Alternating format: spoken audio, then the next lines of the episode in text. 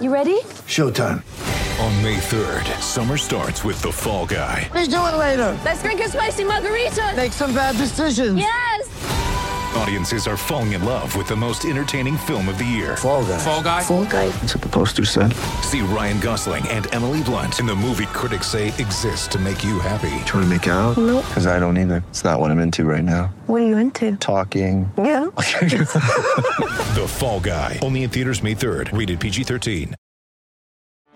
Get ready for the greatest roast of all time the Roast of Tom Brady, a Netflix live event happening May 5th. Hosted by Kevin Hart, the seven time world champion gets his cleats held to the fire by famous friends and frenemies on an unforgettable night where everything is fair game. Tune in on May 5th at 5 p.m. Pacific time for the Roast of Tom Brady, live only on Netflix. De stroom. Ready.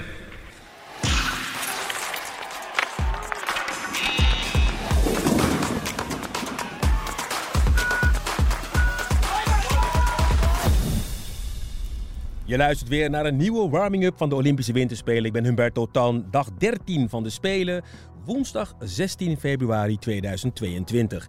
En vandaag ga ik het hebben over een heerlijke sport. Een sport waar je bijna tijdens de hele Spelen van kan genieten. Een sport die er eigenlijk op het eerste gezicht niet zo moeilijk uitziet. Dat is natuurlijk gezichtsbedrog.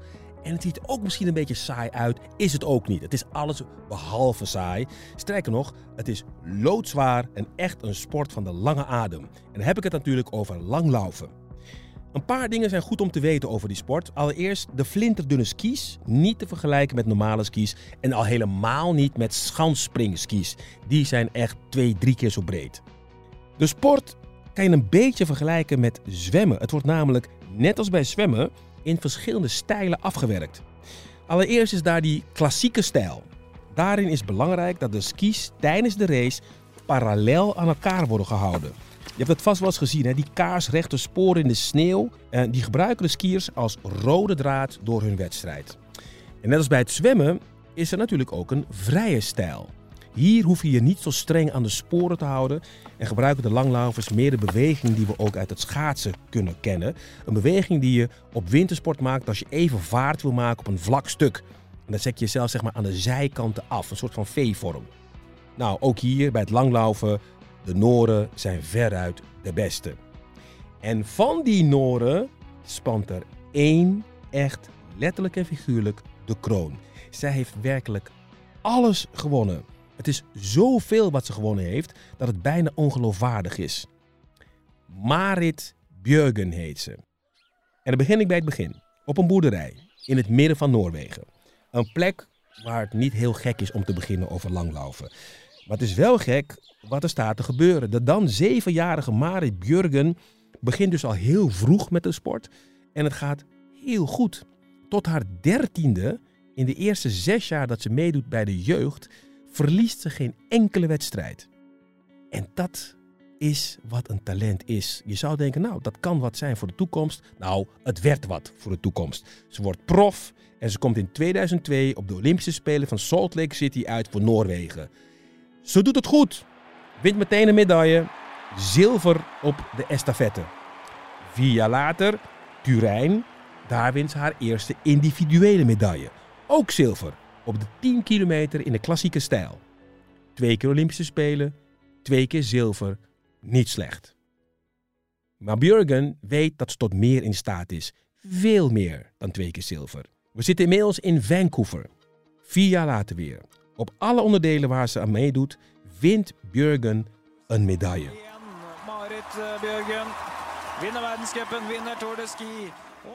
En dat zijn vijf onderdelen. Ze wint vijf Olympische medailles in één editie van de Olympische Spelen. Waarvan drie keer goud op de sprint, achtervolging en estafette. Absoluut gekke werk.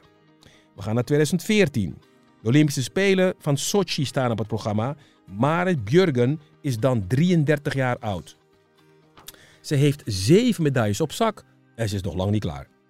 Ze wil het kunstje nog een keertje overdoen. Bovendien ligt er een mooi record in het verschiet. Ze kan de beste vrouwelijke winterolympier ooit worden. Ze wint op die Spelen in Sochi Drie medailles. Een paar minder dan de vorige keer, maar wel drie keer goud. Ze flikt het. Op haar 33ste wordt zij de beste vrouwelijke Olympiër ooit.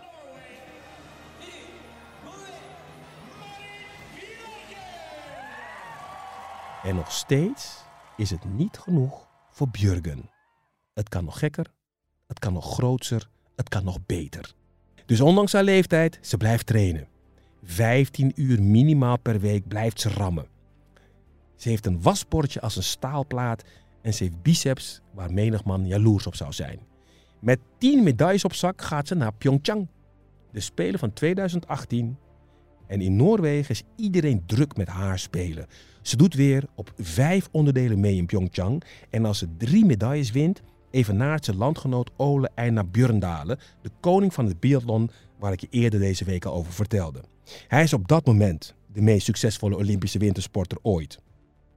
Maar er is nog één vraag. Kan Marit Björgen nog presteren op haar 37ste? Komt er nog een toegift?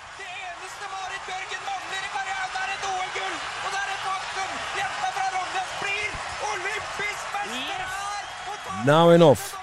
Björgen is in Zuid-Korea in bloedvorm. Ze opent meteen goed met zilver op de skiathlon, medaille nummer 11. Brons volgt dan op de 10 kilometer in de vrije stijl, dat is nummer 12. Record van Björndalen komt in zicht. Dan de estafette met de Noorse ploeg, dat staat op het programma. En ze pakt daar goud, medaille nummer 13. Weer pakt ze drie medailles op één winterspelen en dat doet ze op 37-jarige leeftijd. Marit Björgen is als een goede fles rode wijn. Ze wordt beter naarmate ze ouder wordt, zo lijkt het. En ze is nog steeds niet klaar.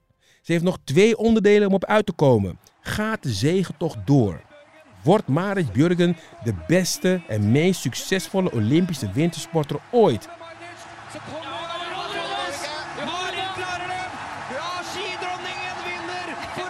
Ja, natuurlijk is het antwoord ja. Op de teamsprint grijpt ze brons, medaille nummer 14. Björgen is de meest legendarische winter-Olympiër.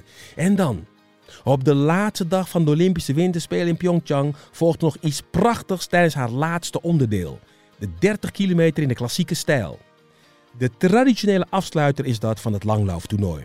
En al na 9 kilometer laat ze iedereen haar hielen zien. Ze ontsnapt bij de rest en laat nog één keer aan de hele wereld zien dat ze verreweg de beste langlaufer ooit is.